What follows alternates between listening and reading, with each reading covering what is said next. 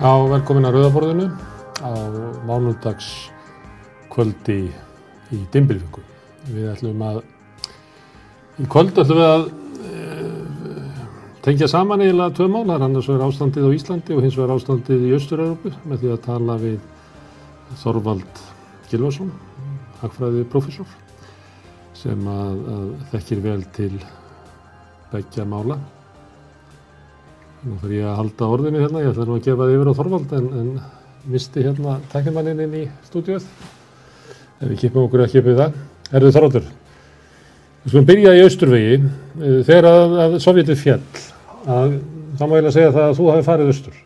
Já, við gerðum þetta nokkrir hagfræðingar bæði í Evrópu og í Bandaríkjónum að við lögðum einn allt til liðar.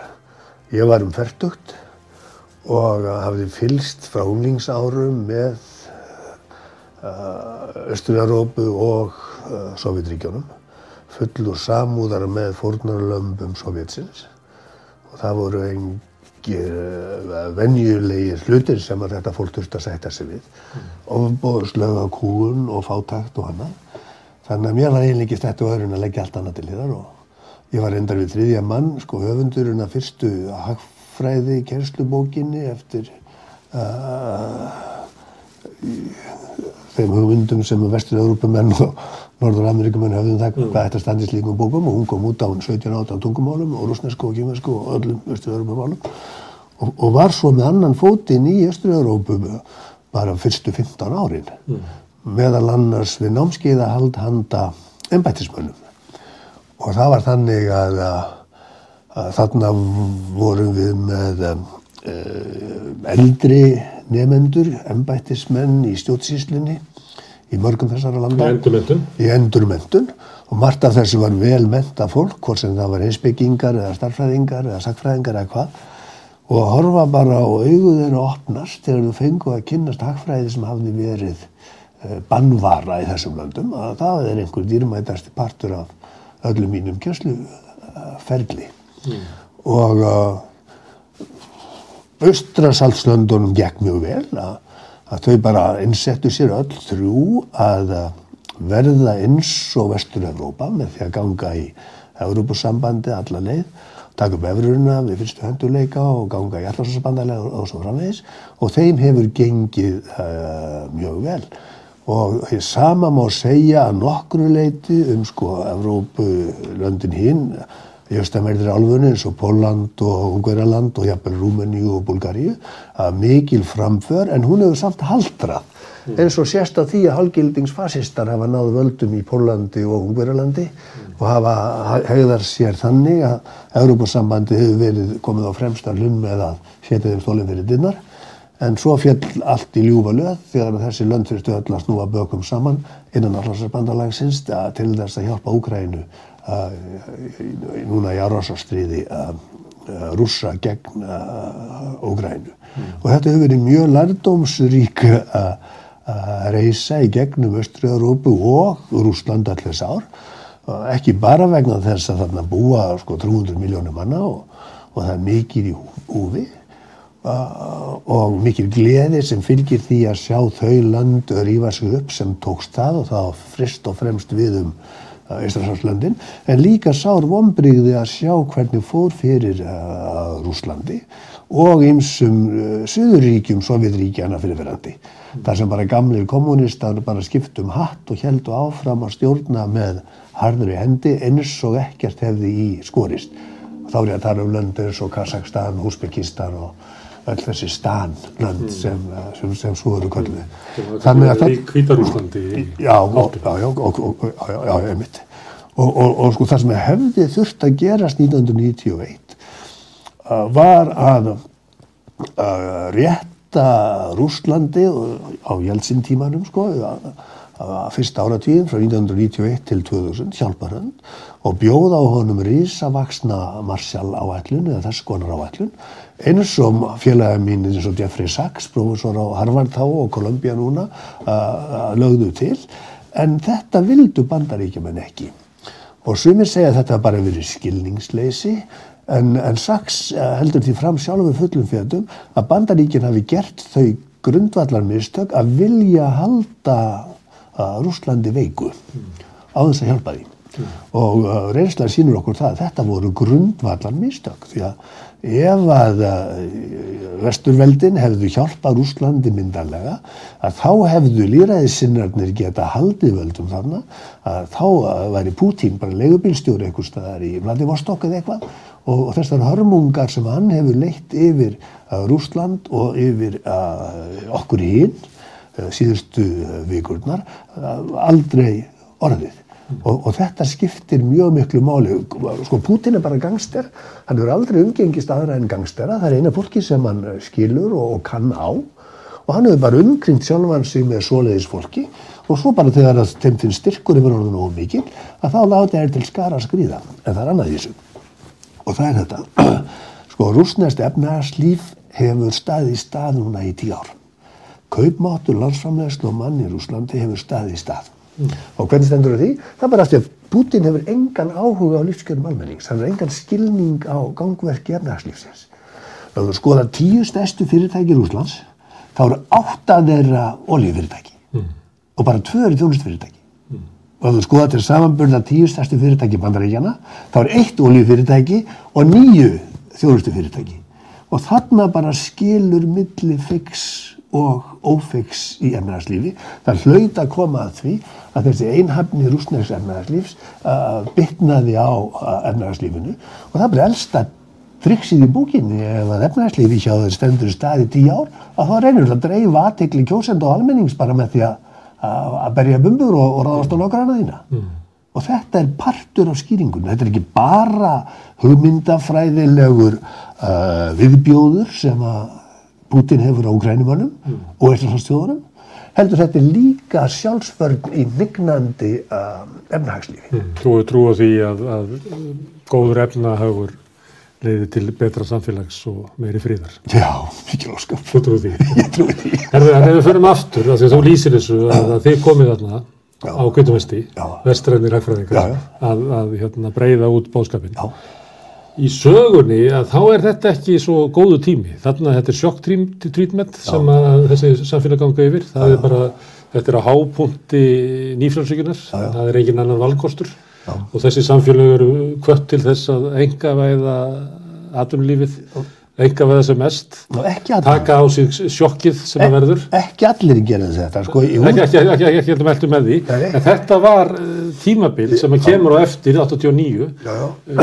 bara eiginlega til aldamóta, er hörmungartímabil í efnæðslegu tilliti, þó svo að margir horfi á það sem Jón Ólásson var hérna hjá mér um daginn og hann talaði um að þarna hefði verið von um líðræðisþróun á þessum tíma. Setni kostningar Jeltsin hafi verið mistökinn þar sem að Vesturlund kusu að íta undir það að hann erði kosin, að það hefði líklega verið mistökinn sem hafa voru gerð.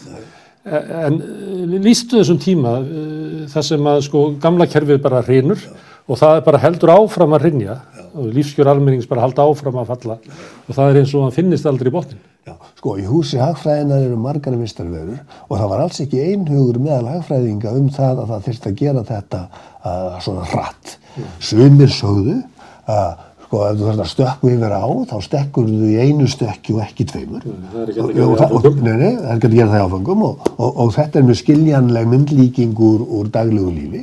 En aðrir sögðu, til dæmis kynverjar mm. sem gera þetta hægt og hægt og náðu miklu betri aðráðni, sögðu ekki fara svona hratt. Það þarf að búa til leikarellugunar fyrst áður en ríkisfyrirtækinu eru sett í hendunar á einhver aðerum og, og bara fyrra sjónamiði varð því miður ofan á. Og það er auðveldar að segja þetta eftir á heldur meðan á þessu stóð. En, en, en við vorum all mörg sem heldum við fram að það veri hyggilegra að, að, að hafna svona allþýðu kenningum, kellingabókum eins og það þurfa að stökku þér á í, í, í einu stökki sko. Eins og kynverðir voru reyndar að sína bara meðan á þessu stóð sko. Og, og, en, en þetta voru Massjarlastunum sem þú talar um hefði þá verið til þess að, að halda uppi hvað ég var að segja, svona grunnstóðum uh, samfélagsins á, á, á, í gegnum uh, hérna, efnarserðileikana og meðan atvinnulífið verða fótað sér að nýju. Já, og ekki bara það, heldur sko, veita þeim ráð, sko, hafa, sko þegar að Jeff Sachs, vinnu minn, professor var þarna og, og þá var hann sko innan við láttinu öðuferdu, að þá var hann þarna með tíu manna skrifstofu bara á eigin vegum frá Harvard á sama tíma sko og hvorki alþjóðabankin í alþjóðagjaldarísjóðunum voru komin á staðin því þau voru eftir að hugsa sig um og ráðfæra sig við bandaríkjastjórn og svo framvegis. Og það sem hefði þurft að gera hefði verið að, að, að, að þessar alþjóðastofnanir, doktorstofnanir samluðið þjóðana hefði átt að fara þarna inn með mikinn hér manna og sérfræðinga og hlutlösa manna og, og öllum heimsáknum til þess að hjálpa til aðalega til þess að veita ráð en svo að bakka ráðin upp með penningum því að, því að það, það er útbreytur miskilningur að það sem mest munar um frá þessum alþjóðastofnunum eins og alþjóðabankanum og alþjóðagjaldurisjónum séu penningarnir þeir eru algjört uh, smáræði. Það sem munar um er að, að, að, er leðsögnin er, er ráðgjöfin. Og þegar þetta var af því að hagfræði eins og við svoðum áðan hafði bara verið beilinist bönnuð í þessum löndum að þá voru topparnir þeir vissi ekki nokkur skapaða hlut það var eins og að tala við fjórara barn. Ætla að ræða frambóð og eftirspurn og, og, og verðbólgu og atvinnuleysi til þetta fólk. Ég ég átti svona samtal. Það var alveg makalöst mm. mér er sér Sæðlarbangastjórun í Moskva hann var, bara fullkomin idiot. Mm. og, og svona er þetta á Jeltsin tímanum en held hann ekki áfram en þú fórst svo heim? Jú, það var idiotin það var idiotin sem held áfram. það er, það er, er lögmálið sem, sem að gildir í þessum löndum og, og, og, þarna, og þá er þetta ekki peningurinn sem maður tengja við sko, uh, hugmyndinu Marcel Astor sem hefði skipt mestu, uh, heldur ráðinn. Mm. Og svo þegar að hérna, frálsynda fólki þarna að, sko, fær ekki þessa hjálp, að þá bara verður það smám saman undir og þá má ekki gleyma því að langt skæðasti keppinautur í eldsins í fórsettakostingunum 96 að það var formuða kommunistaflóksins, beina gamla skólanum mm. og mun ekki með hálsbreyta komandin hefði komið aftur. Mm. Og hver veit eh, hvernig ástandi væri núna ef, ef þeim eru tekist það. Mm. Og, og, og, og sama gildir að, að ymsuleiti... Kanski hefði ekki verið innrós í Úgræni. Uh, kannski hefði verið, kannski ekki, friðurinn sem var þó í kjaldastrið. Það má nú ekki glema því samt að svo veit ekki riðust og 10-12 ára fresti inn í eh, vinnum eitt land sko í, í Európu þannig að því er varlega treystandi. Og svipið sjónum við eiga við einnig sko um, um Östru-Európu en, en þó ekki nema hluta vegna þess að þau tóku svo á en reyndu svo síðan sum vera fyrðu ginnkeft fyrir uh, halgildingsfasisma uh, eins og Holland og Ungverðarland og það er eina af þessar stóru ráðgátum hvernig þjóðir sem komu svona skaðbrendar undan kommunismannum uh, gátu látið vela sig til fylgis við svona, svona skrýðandi fasisma með rittskoðun og Heldur þú að það sé ekki efnarslega rástöðu fyrir því? Er það ekki skadin sem var af, af kerfisbreytingunum, sveiflan frá Sovjetunum yfir í nýfrásökjuna sem ja. skilur stóra hópa eftir í sárum jú, sem hafi fógrað? Jú, jú, það, það er ábyggilega partur af, af skýringunni og, og, og einnig náttúrulega í, í, í, í stórum stíl í Rúslandi og Þess vegna vonar maður að stríðið í Úkrænu fái þær líktir, að Úkrænumönnum takist að rekja uh, rússa burt uh, og nú vofir gríðarlega þunga árási yfir östur hlutalansins. Því ef það gerist að þá eiga rússar bara eitt kost ef þeir uh, þurfa að snauta burt frá Úkrænu. Og það er að taka sér tak og gera það sem þjóðverðar gerðu eftir síðan í umstyrjöldinu. Það er að segja skiptum stjórn og semja sig að háttum sigurvegaranna alveg eins og þjóðverðar gerðu með sinni nýju stjórnarskrá 1949. Ef rúsar gerði ekki að þá verða þeir bara eins og risavaksin Norður-Korea í kæfandi famlægi við kynverja mm. og kynverja taka Sýberíu og svo framvegs og þessar þeir tvö lönd eiga Kynverja taka Sýberíu? Já, eiga næstum enga vinn. Kína er tíu sinu stærra land heldur en Rúsland. Mm. Það takja það með hervaldi? Já, eða, taki... eða bara með samningum. Ef, ef, ef, ef rústar eiga breytt vinn sem í Kína, þá er Kína er sterkri í stöðu og Kína er náttúrulega mjög útþenslu samt land, sko, undir þessum nýja fórsetar sí, sem er næsti bær við má. Þetta er 2000 ára hlýja, það sem ekki verið að hafa verið lítið í útþenslu í 2000 ár. Já, já. Tökum uh, frekar að dæma af þessu. Sko, Ég nefndi stöðnunina í rúsnesku efnæðarslífi og gríðarlega fátækt allstæða fyrir utan borgirna stóru, Moskú og Pétursborg. Það er um ástæðið sem undan fyrir tíu ár. Já, og Kazan og, og, og Vladivostok sem eru nútímanlegar evrópska borgir en, en drefðar byggðir Rúslands búa við alveg ofnbóðslega fátækt. og bara þeir sem hafa tekið Sýberíu lestina nýlega og lýsa því sem þeir sjá út um lestarglungana og stöðunum alveg þangar þeir koma til Moskva að þeir segja að það sé ennþá bara ólýsanlegt og engu frábriðu því sem það var sko á, á, á sovjettímanum og, og reyndar er það svo sko að, að tekjur á mann í uh, Rúslandi, það eru langt innan við helmingur af tekjum á mann í, uh, í bandaríkjónu til dæmis. Og uh, meðal uh, rússi að hann getur vænst þess að ná 73 ára aldrei hann lifir tíu árum skemur heldur en meðal frakki, það er tíu ára munur á ævilengdinni og kannin er að vísu sko mitt á milli Fraklands og Rúslands og það á sér uh, staðbundunar skýringar þar en, en, en rússar eiga sem sagt ennþá mjög langt í land í efnarslegu tiliti og uh, meðal annars þess vegna láta þeir svona ófriðlega núna og, og þess vegna er það lífsnöðsynlegt ekki bara fyrir úkrænum en heldur fyrir okkur hinn að rússa tapi þessu stríði. Já, og uh, tapi og verði, ekki, það er ekki saman frið, heldur eina leiðin til frið er þetta að segja, Já.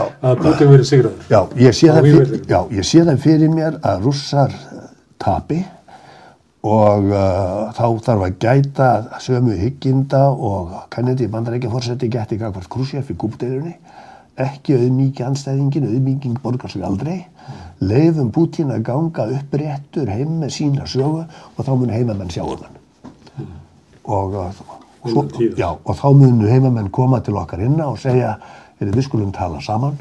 Þannig að ég eigi uh, raunverulega von til þess að, uh, að rússar verði vinir okkar og bandamenn eftir fáein ár. Nánari heldur en þeir hafa nokkuð tíman verið alveg eins og þjóðverjar og japanar og ítalar urðu okkar nánu bandamenn uh, fáinum árum eftir heimstyrjölduna síðan Þetta er eiginlega plan Trump, á þess að ég sé líka við hann, en hann gerði mikið úr því að halda vinskap við rússa vegna þess að hann leit á Kimverja sem raunverulega anstæðing. Já, það er allt, allt annar hlutur, allt önnur hugsun Það er svona þessi að horfa á heiminn að, að, að það sé eðlilegt að Rússland uh, tilheri okkar. Já. Uh, Matt hann það svo frótur og svona hernaði, en þú ert að segja þetta vegna þess að, að þú ert valið að þú vilt að þetta fólk tilheri okkar heimi. Já, já, mjög einn. Svo horfða á rússa. En það sætu tveir rússar hérna með borðið hjá okkur. Og fyrsti maður væri en var að spyrja að segja hverju, hverju eru Íslandingarnir og hverju eru rússandir. Það var ekki nokkuð vinnandi við það. Þetta er sama fólk, það lítur út nákvæmlega eins og við, það hugsar mjög líkt og við, þrátt fyrir allar skemmtirnar sem fylgdu svo við kommunismannum og það er vegna eðlilegt að við eigum mikil og náinn samskipti við þetta fólk. Þetta fólk hefur eins og aldrei lifa lífinu öðruvísi en undir uh, hörmulegri harðstjórn og því fylgir náttúrulega skemmt hugarfar og þess aftar og við uh, fengum ekki að nota þessi 30 ár frá 1990 til þess að laga það nema að luta og þó er það þannig að það er fullt af fólki í Rúslandi sem er eins og þú og ég. Og það hefur flikst núna 20.000 saman úr landi. Þess að teknigeirinn, fólki sem kann á tölfur og þess aftar, uh, það er að fara. 20.000 saman, góðir blaðamenn, þeir eru farnir. Háskólamenn, vísindamenn þeir eru allir ymist farnir eða að leita leiða til þess að fara því að þeir láta ekki bjóða sér þetta, ekki frekar en þú eða ég myndi láta bjóða okkur ástandið svo þetta núna Er það mikil spilling í Rúslandi? gríðarlega. Og meðan þess vegna gengur hernum svona illa þarna. Það kemur í ljós til dæmis að, að russar hafa eh, byggt orustu flugvél sem þeir hafa auglýst mikið og, og, og Úkrænum er bara að skjóta þessar vélar niður eins og flugur. Þannig að það er paník í Peking núna af því að næst stærsti kaupandinn fyrir utan rauðaherrin að þessum flugvélum er einmitt kemurinn sjálfur. Og er það spilling? Það, það, spil, það er svo miklu stó, það, það, sko, fjárveitingarnir hersins er mjög miklar en, en, en það fær ekki allar í, í, í hergagn og þróðun og framleyslu. Það fær ég að kaupa snekkjur handa þessum drullasokkum. Snekkjur sem að núna loksins er verið að kyrsetja út um allar heim á samt öðru þýði. Og, og þetta er held ég skýringin á því hvers vegna það kemur mönnum svona óvart að- Úgrænu hér sem er miklu, miklu minni og, og veikari heldur en rauðiðurinn að getur hrakið á í burtu. Og það tókst þeim að gera í Kíaf. En hvort þeim tekstað í Donbass, það, við þeirri spurningu fáum við svar á allra næstu dögum. Og núna tala mér um það út í heimi að það sé nöðsynlegt ekki bara að beita þessum uh, þingunarækjörnum gegn uh, rúsum sem að uh, hafa borið all mikinn árangur, heldur þurfi að loka algjörlega fyrir öll kaup á olíu og gasi frá þeim. Því að þá lippist þeir niður. Heldur að Evrópa tristi sér í það? Já, hún hefur ekki tristið til þess enda, hún hefur haft 45 daga til þess að hugsa málið. En núna þegar að- það blasir við hættan á stórkostlegum fjöldamorðum uh, í Östur-Úkrænu, að þá vona ég eins og Selenski Úkrænuforseti að menn taki sér tak og segi við verðum að reyna að gera það sem við getum gert til þess að stöða þetta, jafnvel þótt að minni kaup, engin kaup á olíu og gasi frá uh, Rúslandi kom sér illa fyrir okkur í bráð. En, en, en þetta var meiri vandi sko við upphafstriðisins uh, því að þá var februar og þá var hætta á því að fólk myndi uh, krokna á gulda í Þískalandi og annars þær í Európu.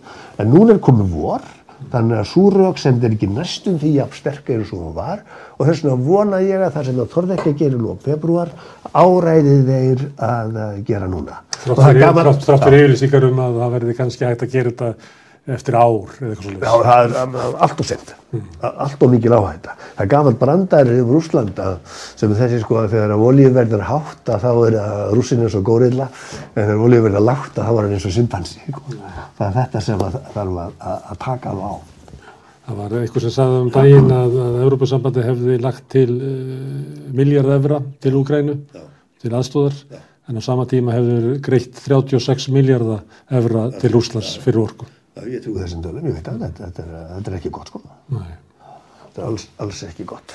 Og þótt að Rúsland sé stærra land, að þá er það bara þrísasunum fjölmennari þjóð heldur en, heldur en Úgræna. Já, og, og, og rússum fækkar ótt og, og, týtt líka. því að- En spillingi sem er hana, er, er, er, er allt samfélagi spilt? Er þetta bara vandamálinu nei. að, að þú þarft að múta þig bara í gegnum ópifera kerfið frá lagsta manni upp til þess aðfesta? Eða er þetta spilling sem er bara eins og uh, hérna, herraþjóð sem liggur ofan á samfélaginu sem að sígur til sín allt fjöð? Venjulegir rússar eru bara fólk sem venjulegir íslendingar, gott fólk og, og, og hjarta hlýtt.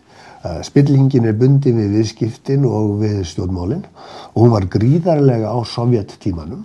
Þegar sko sovjetski kommunistaflokkur, hann var ekki stjórnmálflokkur í einu skilningi, hann var uh, glæbasamtök, hann var hriðverkarsamtök. Valdaklíka? Já, og, og, og, og þá verið sér þannig að, að saksóknarinn í, í Moskvu, að hann var langt komin með mál gegn soviska kommunistafloknum á þeim grundveldu að þetta verið hriðverkarsamtök. Og, og, og sem var ein, sko, með, með, með gríðarlegan hérna, slóða af efnahagsbrotum og eftir sér. Og þú veist hvað ég gerði? Að þeir byggu til mynd af þessum saksóknara þar sem hann var með tveimur fáklættum konum á hótelherbyggi og myndið var mjög hrefð og það var erfitt að greina og veistu hver það var sem var bar vídeospólun á milli? Það var Putin, Það var Putin! Var Putin staðfesti þetta Já, hann þetta, var Putin. og nýkomin til var sem og, og, og, og, og, og saksóknarinn hérna hrökklaðist frá en hann er, það er svolítið talað við henni í sjónvarsvettunum núna því hann tekkir þessa menn og veit nákvæmlega uh, hvernig þetta er. Og, og, og það gerðist til dæmis í uh, sko 1990, 91 sko rétt í þann mund sem Sovjetíkin er að rinja að háttsettur maður í Kreml í einsta ring hann kemur að máli við suðurafrískan prófessor sem að ég hef sögun eftir beint sem prófessor í stjórnmálafræði á, á, á við Yale háskóla og til þess að bjóða honum að hafa milligöngu um að kaupa vopn úr kjarna vopnabúri uh, rússa að handa Suður-Afríku. stjórnmálafræði í Eil. Já. Er hverjum Og þá sérðu, annars vegar sko, hversu, glóðurleysi þessu menn eru, hvaða hugmyndir höfðu um um um og þá sérðu líka bara glæpa eðlið. Mm. Ætla að fara að selja kjarnavokk bara einhverjum aðskilnaði sinnum í, í, í, í Suður-Afríku. Þetta er fólki sem náði völdum í Rúslandi. Já, já. Þetta er fólk Og hefur haldið þeim. Hefur haldið þeim síðan. Og Og ekki bara... í gegnum Jeltsin tíman, Já, þau já, já. mistuðu ekki. Já, já, já. Þau byggðuðu upp á þeim tíma og svo náttúrulega á Putin tímanum að þá herðaðu þau öll tök. Já, já. Og þetta eru fólki sem var sett til hliðar í Estrasarslöndunum þrem, þess vegna standa þau upp úr. En þetta eru fólki sem hafa hjælt völdum líka uh, í uh, söður ríkjónum uh, fimm. Já, Já, í Sovjetríkjónum gamla sko. Og- Já, og, og, og uh, Það sem að er raunverulega óbreytt uh, fyrirkomulag eins og var á Sovjetímanum en þó kannski einhver svona uppbygging, einhverja atvinnustarfsemi og þjónustu við vesturöld En, en ég, Þetta hefur farið þangað að þetta lýsa þeim? nei, ég, hef aldrei komið til, Ég ætla nefnilega að því að, að, að, að gaman að hafa því hérna, að þú hefur skoðað eh, efnahag Hvítarúslands sem er svona auka aðilega þessu stríði og Úkrænu. Já, Hvers konar fyrirbreyði er Hvítarúsland efnahag? hvita það er bara svona svo smækku mynd af uh, Rúslandi og, og sko lífskjör þar er uh, að verið sko speilmynd af lífskjörum í Rúslandi og fyllt þeim alveg hrind allar götur í, í síðan uh, Sovjetingi rundu fyrir uh, 30 árum en, en lífskjörin hafa samt alltaf verið miklu miklu uh, lagari. Uh, þeir eiga að vísu sko háteknigeira sem að uh, hefur uh, gefið af sér fyrirtæki sem að, að búa til vörur sem aðrar þjóðir vilja kaupa og, og, og, og, það er eina samt eini parturinn af efnarslífunu þetta sem hefur verið í lagi. Og svo náttúrulega þegar að eftir að Lukashenko fórseti Gítarúslands stál kostningunum síðast að þá hafa allir þessir hérna, tækni frumkvöla bara farið úr landi. Eh, Þannig að, að tækningeinin þar er lítur bara að leggjast í, í rúst af því að þeir sem að, að stjórnunum eru, eru, eru allir farnir. Og, og uh, til dæmis landbúnaðurinn, að hann er allur sko á vegum ríkisins með gamla læginu og það er bara skemmta kartöflur sko sem að hérna, fólki þarf að gera sér á góðu sko bara eins og í Sovjetríkjónum af allar götur kommunismar sko og, og, og þannig að Hvítarúsland á á, uh, langt í land. En, en, en hvítrússar eru eins og rússar, þeir eru mjög elskulegir. Ég þekki mann sem hefur farið með Íslendinga í, í, í ferðir um Hvítarúsland og hann segir að fá lönd séu undislegri heima að sækja. Þetta er bara svo allir sem hafa setið í eldhúsborð í, í, í Moskvu eða Pétursborg segja að það sé eina engin eldhús hlýlegri og undislegri. nei, ég, eftir mjög eftirminnilega stundir sem ég hef átt við vakstúk í eldúsum í Leningrad. Já, nákvæmlega. Nákvæmlega. Já, og þá varum að tala við svona venjulegt fólk Já, já. og þá er það kjarnælisfræðingar sem við verðum að tala við. nákvæmlega. Þetta er náttúrulega með be- best mentuðu þjóðum í heimi Já, já. en, en líklega er helmingurinn af því menta fólki Já. þegar farið frá Rúslandi. Já, en, en svo svipað á við um Úkrænu uh, og hún hefur þá sérstöðu með allra þessara fyr- fyrirverandi sovjet uh, að uh, tekjur á mann þar eru ennþá, ennþann dag í dag lægri en þar voru sko þegar kommunismir hrundi. Og hvernig stendur á því að, Já, að hérna, meiri segja Hvítarúsland Já. hefur staðið sér betur á þennan mælikvarða Já. heldur Úkræna? Já, já, já, já, eh, sko nú er bara ekki rétti tíminn til þess að tala um það. Mér langar heldur til þess að tala um það eh, eftir að Úkrænumenn hafa sigrað rúsa. En bara, bara örstuðt, við skulum samt mikið velja við það, bara spillingin í Úkrænu var gríðarleg, hún var svakaleg og þeir bara uh, höfðu ekki þá fórustu sem þurfti að fórustu af því tægi sem að reyndist vera til staðar í Íslandsfólksríkjónum til þess að gera það sem gera þurfti.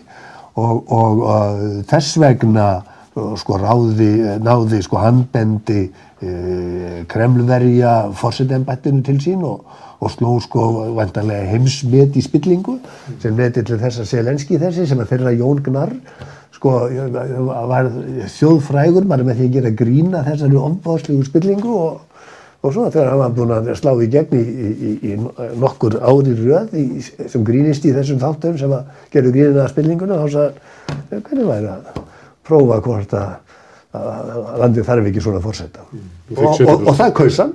Og, og samt var ástandið þannig að hann naut einhverju sérstakrar hilli ekki fyrir en það kemur í ljós við árásrúsa að hann er gerður úr réttu efni þessi strákur. Og, og, og, og hann er uh, sumir kalla hann hinn nýja leiðtóð hens frálsa heims. Og bara kjarkurinn að flýja ekki eins og sumir hefðu gert. Og það er líkillin að því að ógrænumenn eigi ennþá von.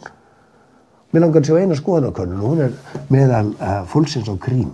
Vill það ennþá vera partur af Rúslandi? Rússar heldu þannig að þjóðratkvæðin reysluð sem að þeir sögðu hefði sínt að 97% af fólkinu þarna vildi vera partur af Rúslandi. Eða verið haldin almennleg skoðanakönnun á vegu Gallups eða eitthvað í, í dag, eða loknum stríðinu. Hvernig ætli hún færi? Trúur þeirri konun sem var gerð þannig Nei, eftir 2014? ég, ég, trúi engum En, tölum. en getur þú trúið því að meiri hlutin hefði viljað til í Rúslandi nú er Já. dæmis herri tekjur í Rúslandi þetta er Úkræna á þeim tíma já, já, ég, ég, ég gæti trúa því, en, en, en en svo stað er allt, orðin allt önnur í Já, dag já, ég, það heldur bara hljóta að vera. Já, það er bara hljóta að vera Meina, það er ekkert að marka neynir tölur frá Úslandi lengur og minni landi þar sem er bannað að nefna hlutina rétt um nöfnu þar sem fólki er refsa fyrir að, að kalla stríð stríð Uh, hver tekur marka á, á tölum frá Hagstofur Úslands við þessar kringustæður? Samt er fólk að taka marka á tölum um afstöðu rúsa til Pútins að það hefði hækkað úr 60% upp í 80%. En, en með fyrirvörum. Fyrirvörum. Já, með fyrirvörum. En, en fólk gerir samt ráð fyrir því að því að fólk er ekki fætt í gær og það já. veit hvað gerist í stríði já, að fólk settir sér í kringum stjórnvöld. Það tekur langan tíma.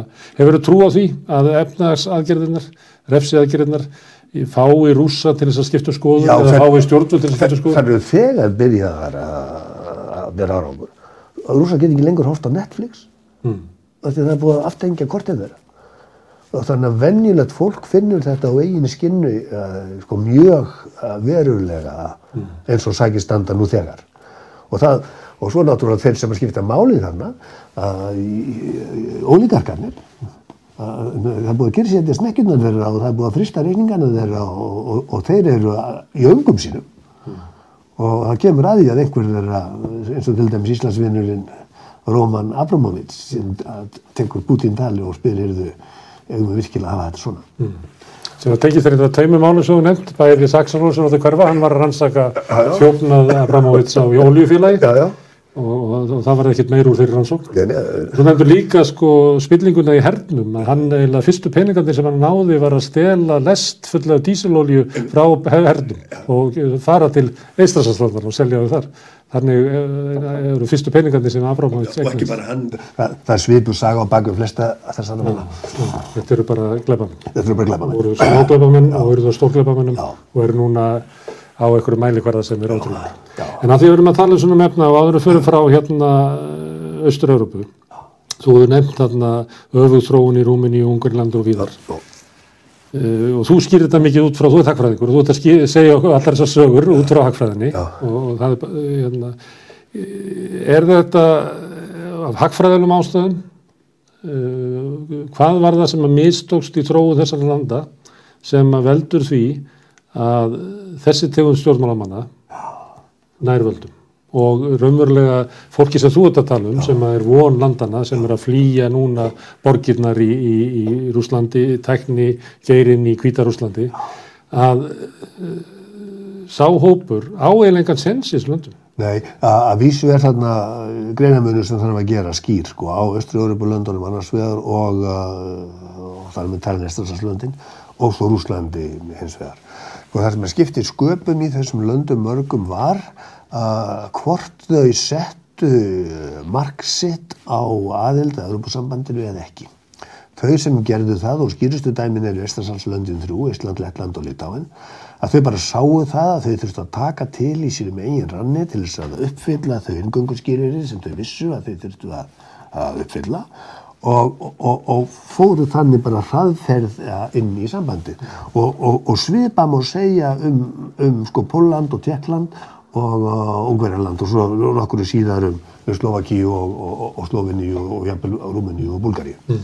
Þú er með létt fastast að í Ungverjarlandi þráttur. Já, ég veit það. Það er bara í Európa-sambandinu og NATO. Já, já, það, þeir komu síðar sko. Þeir byrjuði ekki að, að gera sér gildandi sko fyrir en bara fyrir þetta sko síu árum eitthvað svo þess. Mm og uh, sko, þeir hafa sömu skoðun á þessu pólverjarnir á rússum eins og, eins og ég og bandarækjastjórn og, og, og NATO og þess að darfa erum á sambandi en, en uh, þeir sko eru mjög harðir gagvart anstæðingum sínum og uh, þeir hafa reynd sko að, að að múlbinda dómara og þeir hafa reynd að, að múlbinda bladamenn og Ann Appelbaum, stjórnmálafræðingur, hefur líst þessu í mjög áhrifaríkri bók.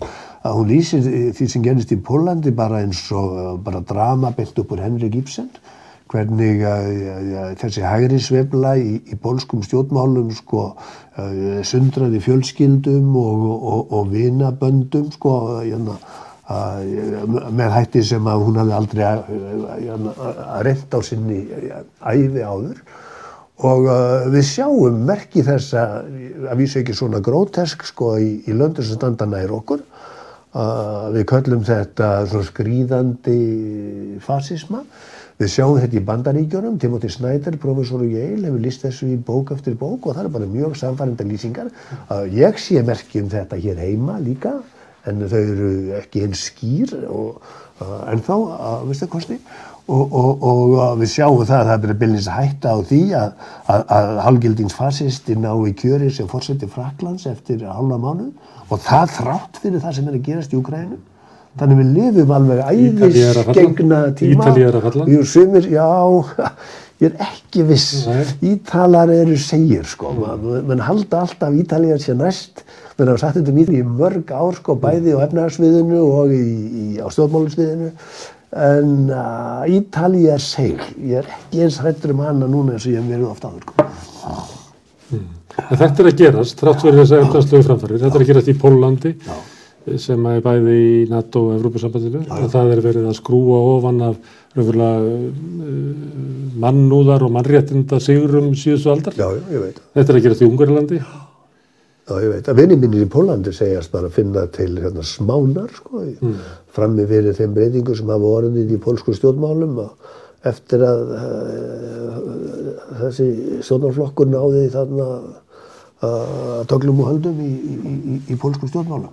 En vonandi... Hvernig útskýrur þetta? Því ég heyri alveg á þér að þú hefur mikla trú á því Já. að opna atunlífið og efnarslífið, Já. uh, opna fyrir samkeppni og Með, með fyrirvörum. Já, með fyrirvörum. Með Já, fyrirvörum, En, en hva- hvað veldur því að þróunin í austrinu er svona háskaleg og er eiginlega smítast yfir í vestrið? Já, já. Það er eiginlega frönsku kostningarnar Já. að maður þarf eiginlega að hugsa til eh, stjórnmála í austur-Európu til þess að reyna að skilja þetta.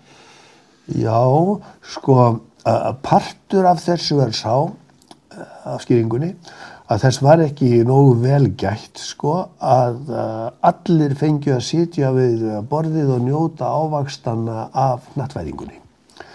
Og við sjáum þetta skýrt í bandaríkjónum. Uh, það hefur verið ósand um fyrir tíð að maður á borð við Donald Trump uh, næði fórsetakjöri. Og svo bara áttuðu menn sjá því þegar þeir skoðuðu hvað kom upp úr kossunum í fórsetakostningunum í bandaríkjónum 2016 að fylgið við að var mest þar sem að emdin og fátæktin og eitthulífanislan var mest. Og, og það er svo breyta sem að... Fólkið sem svikið. ein- Fólkið, fólkið sem taldi þess að hafi verið svikið. Og þegar þú skoðar Það er niðurstöðu... nokkuð að það því, þetta fólk var svikið á vissan hátt.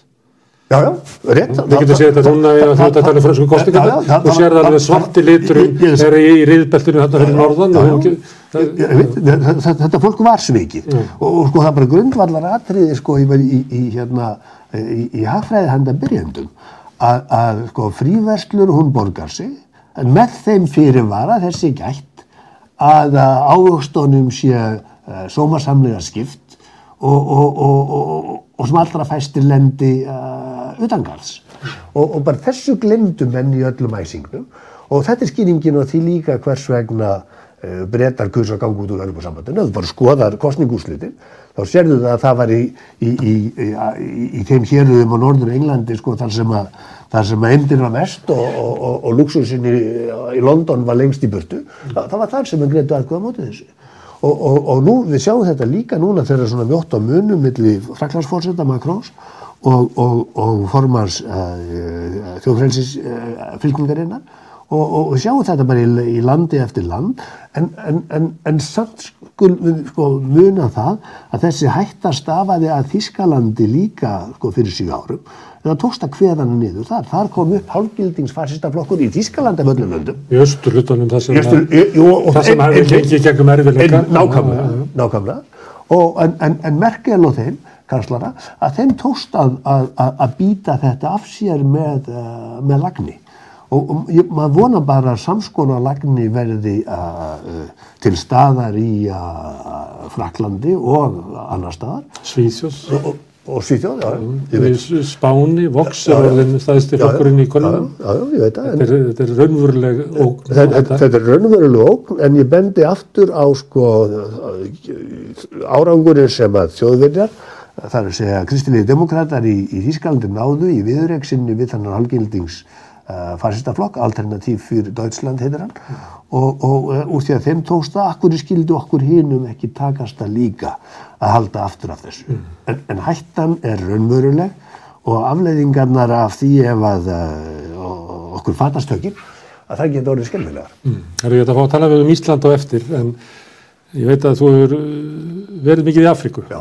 Þannig að við yfirgefum núna hérna gömlu sjúku álfu og förum til Afríku. Já.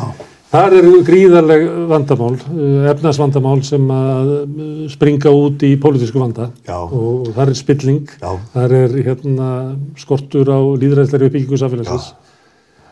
Þegar ég kynni, Afríka er náttúrulega svo fárana stór, en ég ætla samt að spyrja þig, hvað segðu okkur frá Afríku? já, sko, þegar ég kynni Afríku, þá held ég alltaf aðra ræðu heldur en þú varst að halda.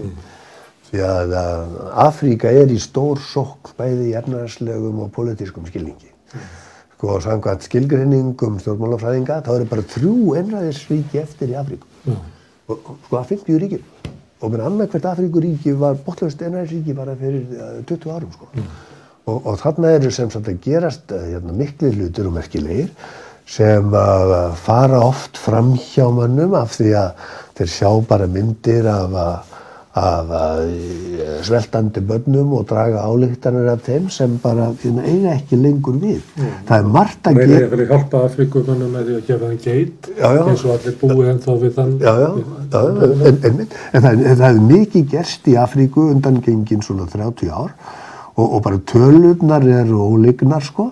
Uh, sko meðalaldurinn í Afríku, hann er bara tvöfaldast á tveim mannsöldrum og, núna eru tveir þriðji hlutar Afríkumanna læsir, það var bara þriðjungur fyrir einum mannsaldri. Og það er alveg sama hvaða félagsvísið þú tekur. Sko mannsæfinna lengjast, fjölskyldurnar minka það er að segja líkillin okkar lífskjörum í okkar heimsluti er sá að, að við vöndum okkur af því að, að, lifa stutt í stórum fjölskyldum. Og nú lifum við lengi í litlum fjölskyldum. Og Afríka er að komast á þetta uh, í sama stig uh, smám saman og þetta því það til dæmis að þegar börnunum fækkar í hverju fjölskyldu að þá þurfum að færri börn að fara alls og mis af því að fóröldarnir hafi ekki efna að senda þau í skóla og það, bara þetta er allt saman Það voruðu kannski í að, að gamla breytast. kerfinu voruðu náttúrulega bara vinnudýr. Já, já, Og en- eiga- einmitt, Eiga einmitt. átjópöld til þess að lifa af. Nákvæmlega. Og, og, og smám saman er að verða til sko velferðarkerfi í Afríku, bara evrópskur og, og, og, og sumpart jafnvel ameríski fyrirmynd, þannig að, að, að fóreldrar þurfi ekki lengur að hrúa niður öllum þessum börnum til þess að þurfi ekki að kvíða ellinni. Og, og bara Afríka er að færa snær okkur.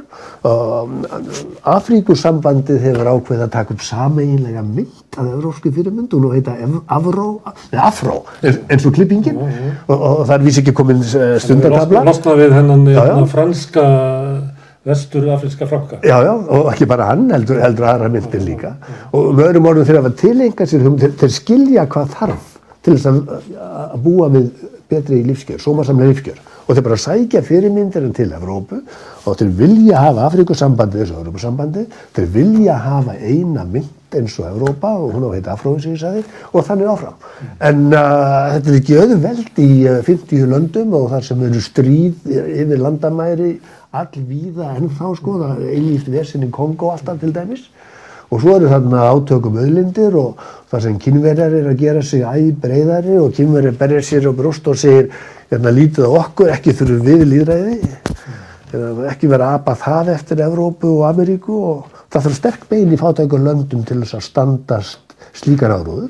Kynverjar koma þarna með fullar hendur fjár og, og byggja handa en brýr og, og sjúkurhús og skóla og segja hérna, ekkert líðræði, það er bara, það er bara píp.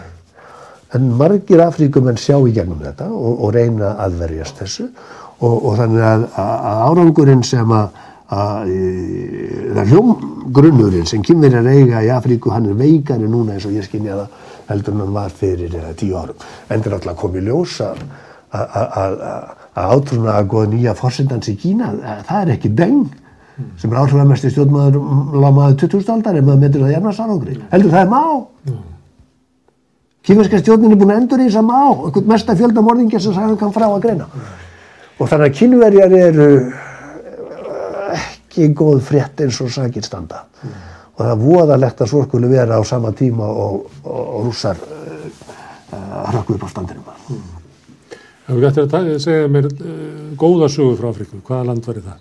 Þau eru mörg, og, en, en, en annars sem veldur vonbriðum þar er það að, að oft er eitt land sem ríkur upp, Eþjópia var uh, fyrirmynda Svo mærir um langa tíð Já, fyr, fyr, fyr, já og, og, og svo pappa þannig að, að það eru venjulega svona 5-10 lönd sko í Afríku sem hægt er að, hérna, að nefna til sögunar sko vegna þess að, þau hafi lift grettistæki en að þetta er hérna, hópur landar sem að breytist í miður að, allt og mikið að, sem er leðilegt vegna landana sem þetta út af listanum en þetta er gott fyrir þau sem að, sem að bætast við Þú talar áðan um Rúsland að vera einhæft og hefur verið stöðnun í atvinnulífinu þar og efnarslífinu undan fyrir tíu ár. Það hefur verið sett að Rúsland sé ekkert annað en bara bensistöðs, sem er ráefnis útflýtandi.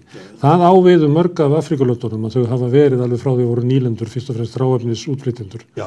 Þetta markar svolítið þeirra efnahag og, og lausnir og pólitík. Já, en munurinn á mörgum Afríkulöndum annars vegar og Rúslandi hins vegar er að það ríkir nokkuð góður skilningur á því að þau þurfa að skjóta fleiri og styrkari stóðum undir ennarslífið. Þannig að Afríkulöndin eru meira um að minna já, orðina þjónustu hagkerfum uh, og þannig við kallum enn þá stundum innvíðuríki í okkar heimsluta ætti að kalla þjónusturíki vegna þess að þjónusta, þú og ég vinnum í þjónustugeranum og flestir sem eru að hlusta á okkur, að- að- að að- að það á einni við í, í Afríku í, æ meiri mæli. En þarna eru líka mörg lönd sko alveg bara frá Angólu til Sambíu sem hafa gert um of út á náttúruauðlindir og, og þeim fylgir í Afríku eins og við annars staðar alls konar vandi, spilling og, og rentusókn og, og frelsi og kúun og þess að það. En, en, en það er skilningur á því, ástæðan þess að ég er svona mikið í Afríku er svo að er, að þeir fá mig til að tala við uh, sig um, um þessi mál. Um auðlindarendu. Já, og, og, og af því að ég þóri að segja það söður frá sem að þeim finnst ekki öllum óhætt að segja sjálfur sko. Þau eru ekki að fara að taka upp íslenska kót- kvótakerfið. Nei, nei, nei, færi enga tóku það að vísu upp sko en þeir eru eftir að sjá þetta því. En varðandi að við tölum um auðlindunar, ég man eftir því í umfjöldunum um Namibíu, með því hvort að ég fletti því bara eitthvað upp, Já, að þeir voru til dæmis með þrískipta tekjuskatt á fyrirtæki, venjulegan já. svo ef þú varst í auðlind, sættir í auðlindir, þar fór fiskurinn, já. og svo var það alveg sérstakur fyrir gull og já, Það var eitthvað 60% skattur þar. Já, já. Þannig þeir voru að ná í auðlinda til þjóðarinnar já, já. Með skipilum hætti. Já, já, þeir lögðu á bara svona, veiði gjöld í, bara eftir bókinni í, En á bara á tekjuskatti fyrirtæki. Já, já, og, og, og það er svo aftur út færslu atriði. En Namibía var, einmitt eh, eitt fyrsta Afríkuríki sem hafði skilning á þessu og þeim mun gráðlegar að erða að það skulle vera íslensk útverðsfyrirtæki sem að, að vinna Namibíu þetta svo voðalega mein sem að nú hefur verið afhjúpað. Þú ert búin að vera víða í Afríku, ekki? Já, ég kom með okkur átján landa 50 ykkur slags. Og sem uh, ráðgjafi Já, allavega. og frá, frá með uh, allt og gjaldir sjónum Já, og allt við á bankanum og, og eiginvegum bara líka. Þannig að þú, eh, hérna, nú erum við búin að eh, fara með þig í Austurveg og síðan til Afríku. Já. Og þá komum við til Íslands og uh, hagfræðingur ungi, færtugi, sem fór í Austurveg og hefur síðan verið í Afríku. Já. Já, Hvað finnst, segir hann okkur um Ísland? mér finnst ég skilja Ísland betur eftir að hafa gert þessa reysur bæði til Rúslands og Vestur-Európu og Afríku. Já. Það er allt og mikill rússi í Íslendingum finnst mér. Já. Og hvernig lýsir hann sér? Já, hann lýsir sér í því að, að menn berja sér að bjórnróst og, og, og tala um markansbúskap en eru uh, ríkisafskipta og haftasinnar í raun og veru. Uh, það er eins og menn lifi lífinu ljúandi í stjórnmálum hér og hafa gert það um, um áratuga skeið.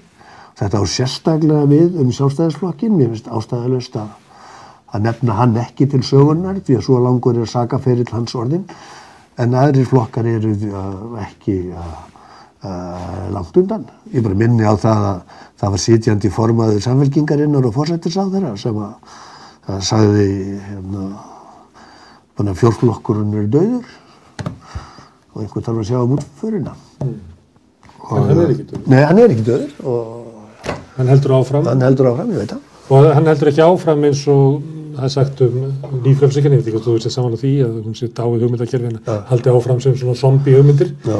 en uh, sjálfstæðarflokkurinn hann er ekki zombi, hann er bara raunverulega með völdin í samfélaginu og bara heldur þau þannig hann er ekki þannig að hann sé svona lifandi döður Nei, nei. hann getur verið hugmyndafræðilega döður já. en hann er að, fullu eins og sást bara í, í hérna engavæðingu Íslandsflokka Já, hann bara virka vel Já, sem það svoleiðis batteri Við skulum spyrja leikslokum þar og, og annar staðar. En þetta hefur gengið svo langt, Gunnar, að, og það sést sko ekki bara á því að, að, að, að sko félagsauðurinn í landinu, að hann er að grotna niður. Tröst, mingar ekki bara tröst almennings á stopnunum, heldur uh, bara alls konar tröst.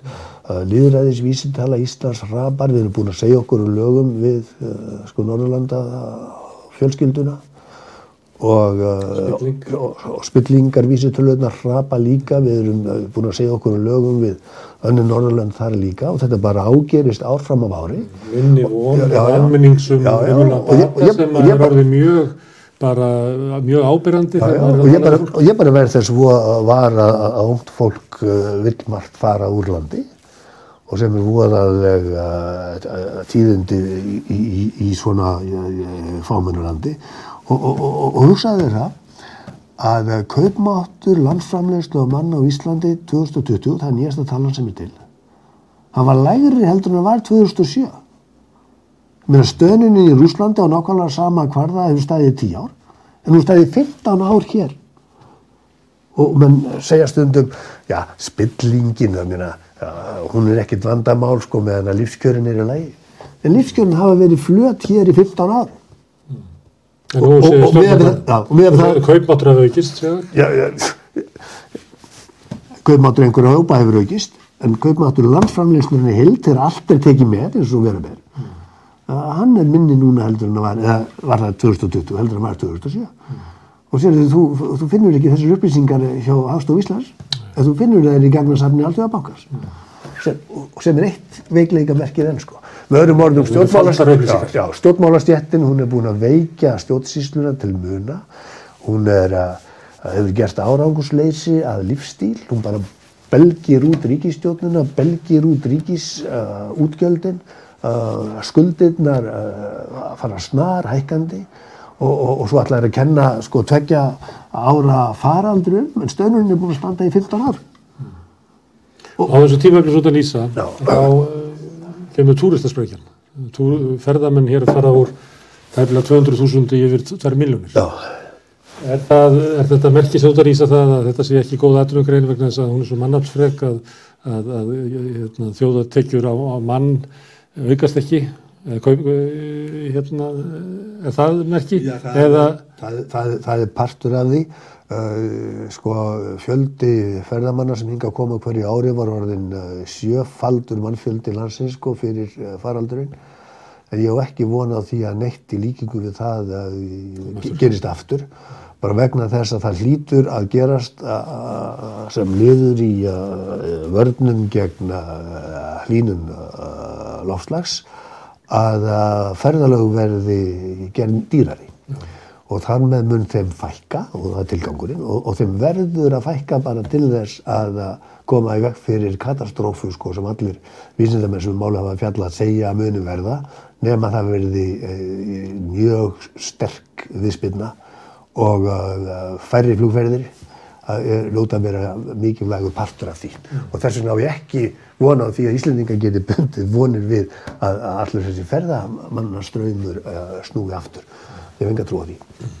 en þessi stöðnun sem út að lýsa Já. Það sem veldur henni, já það er bara, það hérna, bara vond hagstjórn, eh, bara vond landstjórn, eh, veikari og spiltari stjórnsýsla bara af því að, að stjórnmálamennir vilja hafa jámenn í kringum sig og þeir kæra sig ekkert um uh, hæft fólk og það er bara eðilegja hverjar stofnunum á fætur hann því. Mér er alltaf að tala um útlending eftirliti en það er bara eins og stjórnsýslan er eins og hún blasir við mér. Mm. Leindarhyggja, uh, spilling og þetta er voðalegt og sögurnar og, og, og reynslan sem að verður fyrir að, í samskiptum við uh, stjórnsýsluna og bara sögurnar sem þú sagðar af henni, það er verið óhugsandi í Danmörku eða Noregi eða Svíþjóða Finnlandi og þetta er bara eitt staðurinn enn þar sem Íslendingar hafa uh, sagt sig uh, úr lögum við uh, restina af Norrlöndum og auðvitað vill fólki í landinu ekki hafa þetta svona og þess vegna verður þessu snúið við og spurningin er bara hvernig það gerist. Sko ef menn ætla að, á stjórnmála vettvangi að halda áfram að berja höfðunum í steinin, að bara þá verður bylting hérna. Og þá bara fyrir við aftur á Östurvall og rekjum þetta fólk í burtu. Og Við höfum gert einu sinni, við kunnum það. Og spurningin er svo hvort að þeir vilja reyna að, að gera það sem þeir þyrst að gera til þess að komast til þessu. að því við erum að tala saman í, dag og frétt síðustu viku var salan á, á hlut ríkisins í Íslandsbanka 22,5% hlut heldur að það mál, það neyksli sem að það mál er geti valdið því að ríkistjónin reykist í burtu Já, ég gerir mér svona þriðjums og vonum að það geti gæst.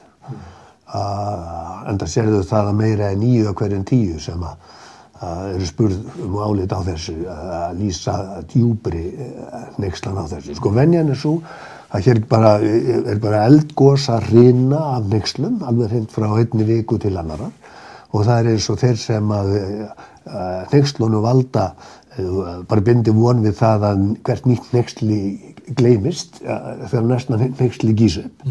Og, og þannig uh, horfir Ísland við manni bara mörg ár aftur í tíman en þetta neyksli með það sem að dæmdir glæbamenn eru gerðir að, að eigendum í banka aftur, aftur að frumkvæði stjórnvalda að frumkvæði stjórnmálamanna sem að tóku þátt beinlýnist tóku þátt í bankaráninu 2008 að það held ég að mörgum þykji uh, vera uh, sko, einum of gróft Já, fyrir og þess vegna á ég vona á því að, að einhverjir í, uh, í stjórnarliðinu sjáu að þetta gangi ekki. Þú manns hvernig stjórnin 2008 uh, fór frá, það var bara vegna þess að baklandið í, í, í, í samfélkingunni sagði hingaðu ekki lengar á, á, á, á lokuðum fundi og þannig að fóristan varð að gefa sig.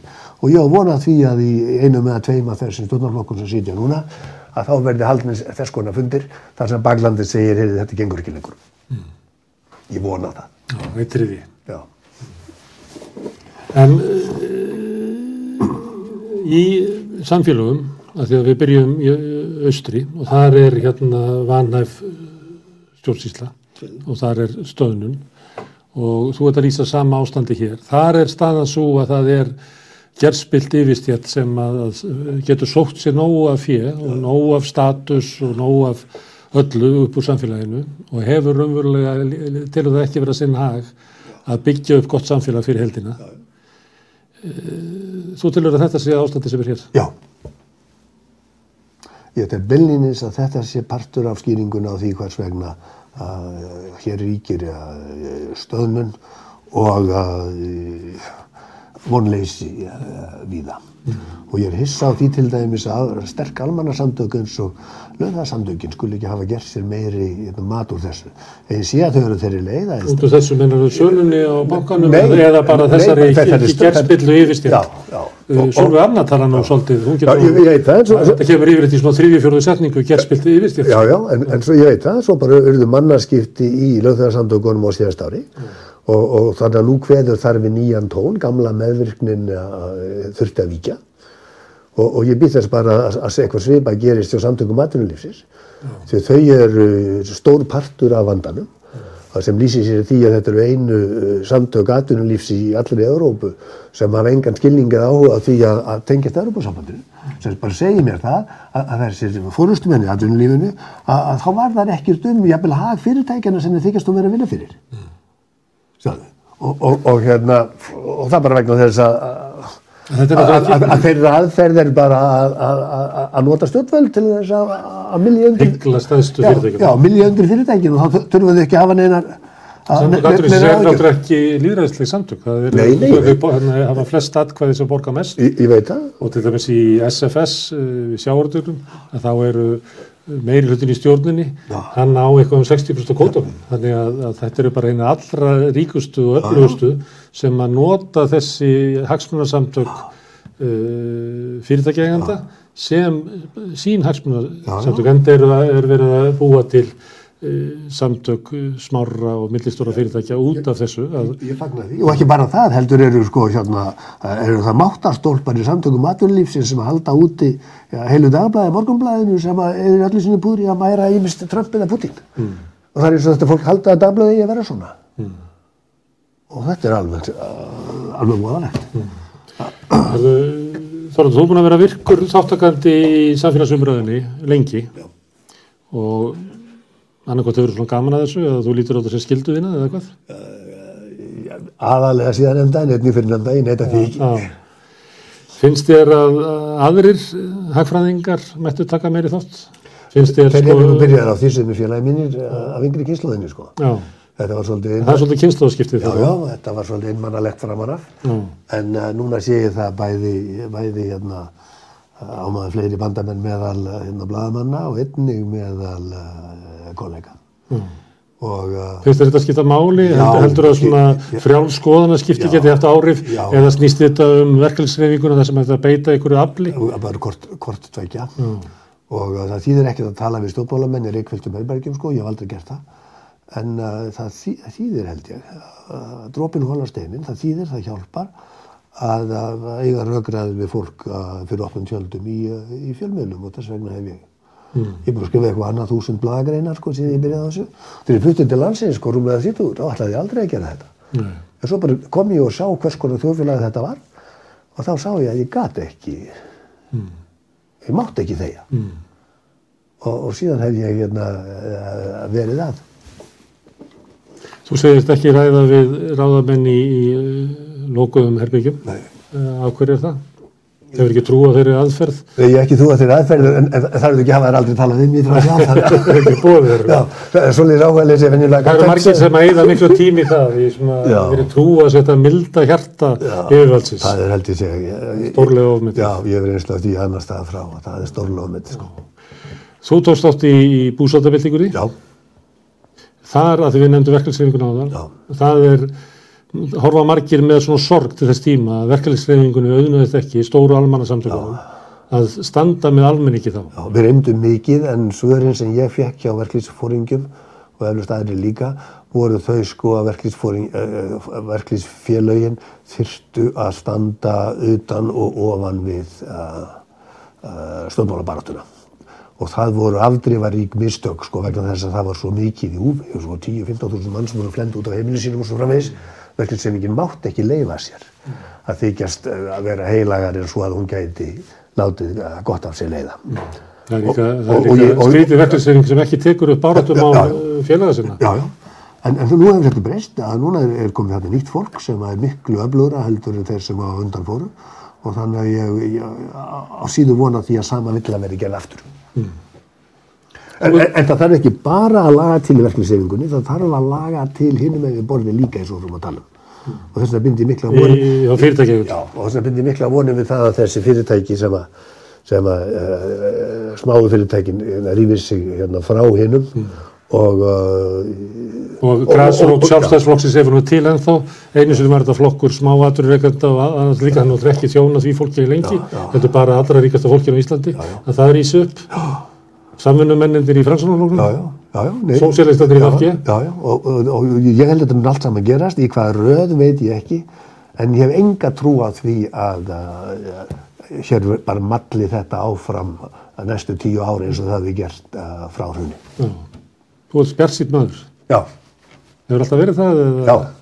Ég er til dæmis ekki minnst að vafa um það að nýja stjórnarskráðan frá 2011 til 2013 að hún verður að lögum í landinu. Mm.